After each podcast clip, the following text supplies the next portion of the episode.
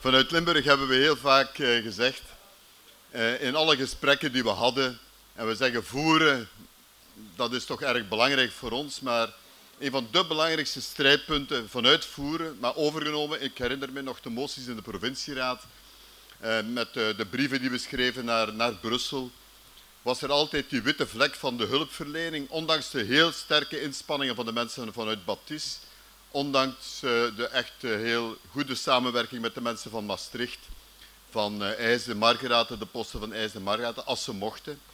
Dat waren, was er toch een probleem van de aanrijdtijden. En we hebben gezegd, kunnen we daar niks aan doen? Ik herinner mij ook nog dat de jeugdherberg niet onmiddellijk kon opengaan omwille van de brandveiligheid. Dat we nog met commandant Luijs hier destijds hier geweest zijn. Om eens te kijken of wat men beweerde wel correct was.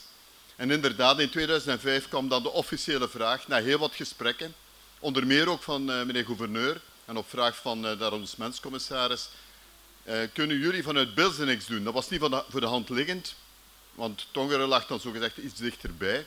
Maar nee, we hadden intussen ook de contacten met Riemst en we hebben gezegd, we gaan dat doen. Uh, daar waren, was vroeger gezegd dan gedaan. Dat was de eerste vraag, ja, waar gaat die post moeten komen? Daar is een oplossing voor gevonden. Tweede punt was uh, de financiering. Ik moet daar mijn collega's van de gemeenteraad van Bilzen over alle partijgrenzen heen, en in Bilzen wordt er nogal wat geknokt politiek vaak, maar uh, uh, altijd, alle beslissingen in verband met voeren zijn eenparig genomen. Ook heel de prefinanciering, het feit dat we met, met Bilzerse financiën uiteindelijk mee die eerste stappen gezet hebben, dat heeft toch, toch heel, heel wat voeten in de aarde gehad, maar dat is allemaal heel vlotjes verlopen. En dat was de derde uitdaging. Gaan we genoeg vrijwilligers vinden? Want vrienden, jullie weten het niet misschien, maar uh, het is niet eenvoudig om ergens waar nooit een brandweerkorps geweest is, om daar van nul af te beginnen. Er zijn gemeentes met 20, 25, 30.000 inwoners waar dat niet lukt, of bijna niet lukt. Waar het heel moeizaam loopt, met jaren, proces van jaren. En ik herinner mij, dat is een memorabele avond, ik weet niet, uh, toen we samenkwamen op een avond, uh, in, uh, ik denk dat het bij Miro was, in de, in de zaal bij Miro. Ik weet niet wie was er, besteek de handen op, degenen die daar waren toen, de pioniers.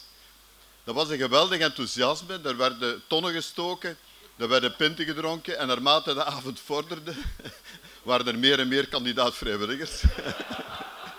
er zijn er achteraf wel een aantal van afgevallen, maar daar gaan we het niet over hebben. We zijn kunnen starten uh, in 2009 inderdaad met uh, 22 mensen.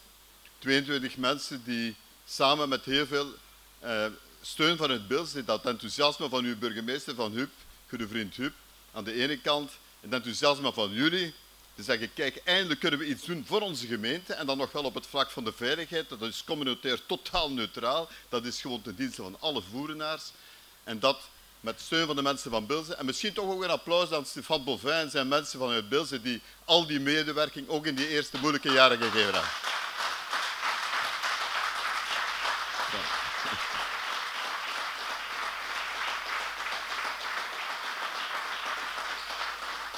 En de opeenvolgende commandanten hebben dat ook al het beste voor, eh, voor gedaan. Eh, commandant Meesters, die we zeker moeten vernoemen. Jos Plesters al duidelijk gehuldigd en eh, dat geeft ook voor mij een heel bijzonder eh, gevoelen vanavond.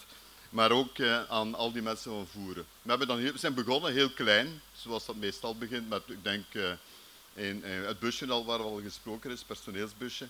Had dan de autopomp en dan de tankwagen. En later is dat uitgebreid tot inderdaad, men mag zeggen, een volwaardige post. 25 mensen vandaag.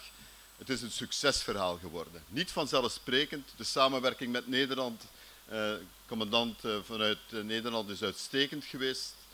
Uh, het is al gezegd.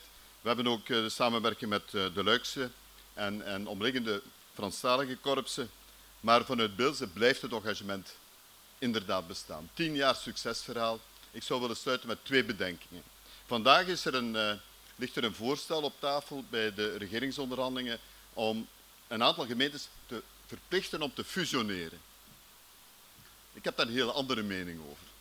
Er moet, zoals gezegd door de korpscommandant, er moet een draagvlak zijn. Uh, en laat dat groeien. Dit, deze vorm van samenwerking tussen Voeren en Bilze is een van de beste wijzen waarop we kunnen antwoorden. Houd de identiteit van uw eigen gemeenschap, van uw eigen gemeente en zorg door creatieve vormen van samenwerking tot oplossingen in het algemeen belang. En er is een tweede die ik zou willen meegeven. Men spreekt van schaalvergroting en alles moet groter worden, moet veel meer uh, samengewerkt worden. Maar er is ook de tendens om te professionaliseren. En dat is goed. Dat is goed dat dat gebeurt. En dat wij trachten ook de lat hoger te leggen, want de risicobestrijding vraagt enorme inspanningen. Maar zonder de vrijwilligers, en, en ik ben heel blij dat het net gezegd is, meneer Knapen, heel, dat het gezegd is, zonder vrijwilligers is het veiligheidsniveau dat wij nu vandaag aan onze bevolking kunnen bieden onbetaalbaar.